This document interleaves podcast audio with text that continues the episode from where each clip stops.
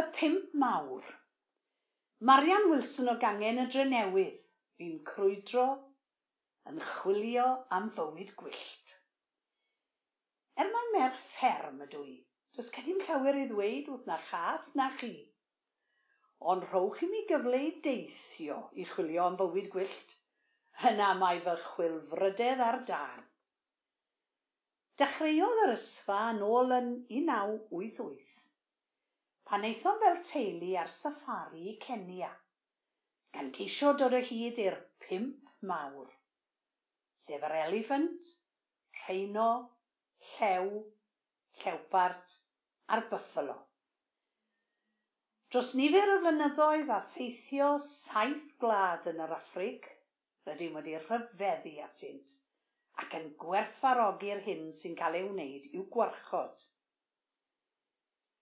Daeth yr awydd ymhen rhai blynyddoedd i ganolbwyntio ar greadur brodorol y wlad honno. Aeth Ioan y Gŵr a Mine i Chile i chwilio am y piwma.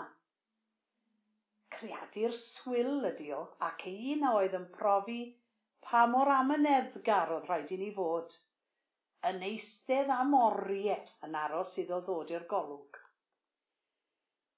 Dwi'n hoff iawn o'r gorilla Ac i Wganda aethom i chwilio amdano. Clamp o ddyn oedd y silverback yn gwarchod ei deulu fel dylai pob gŵr ei wneud.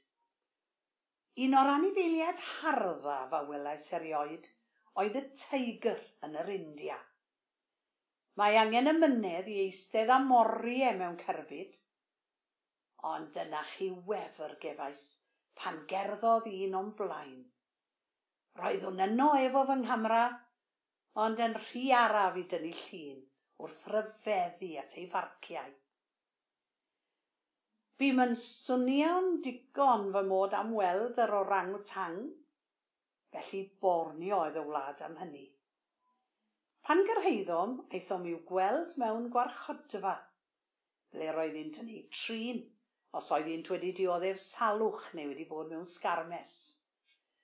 Ond teithio o gwmpas i'w gweld yn ei cynefin yn swatio yng nghanol briga'r coed rhoddodd y pleser mwyaf i mi. Mis Gorffennaf 2019. Daeth mwy o gyffro pan aethom i wersylla yn Alaska i chwilio am yr arth frown, y grizzly bear. Roedd hedfan i mewn i'r gwersyll a glanio ar y traeth hynantur ynddo hun. Ond yna wefr oedd gweld yr arth gynta yn ymlwybro ar hyd y traeth. Her i fod yn greaduriaid cwtsi, roedd em yn falch o'r ffens drydan oedd o amgylch y gwersyll, rhag ofn.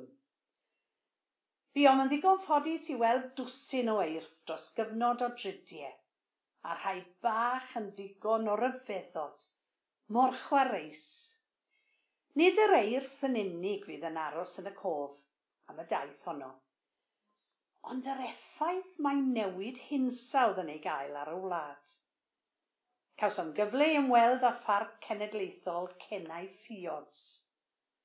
Cerdded tuag at yr hewlydd Exit oedd y cam cyntaf, a gweld am llygaid fy hun yr effaith mae newid hinsawdd wedi gael dros gyfnod o flynyddoedd a'r hewlydd yn encilio wedi farcio un naw dau chwech, dwy fil a phump, dwy fil a deg. Am weddill y dydd cawsom daith ar long i deithio'n agosach at nifer o rewlifau.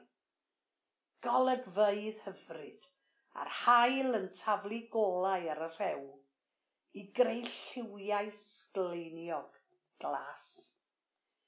Y darlun sydd gennyf yw talp o rew rhydd yn llithro dros wyneb y dŵr, a dau forlo bach yn torheilo arno. Neu'n dianc. Darllenwyd yr erthygl gan Gillian Jones, aelod o gangen Llafedr Pont Steffan yn Rhanbarth Ceredigion.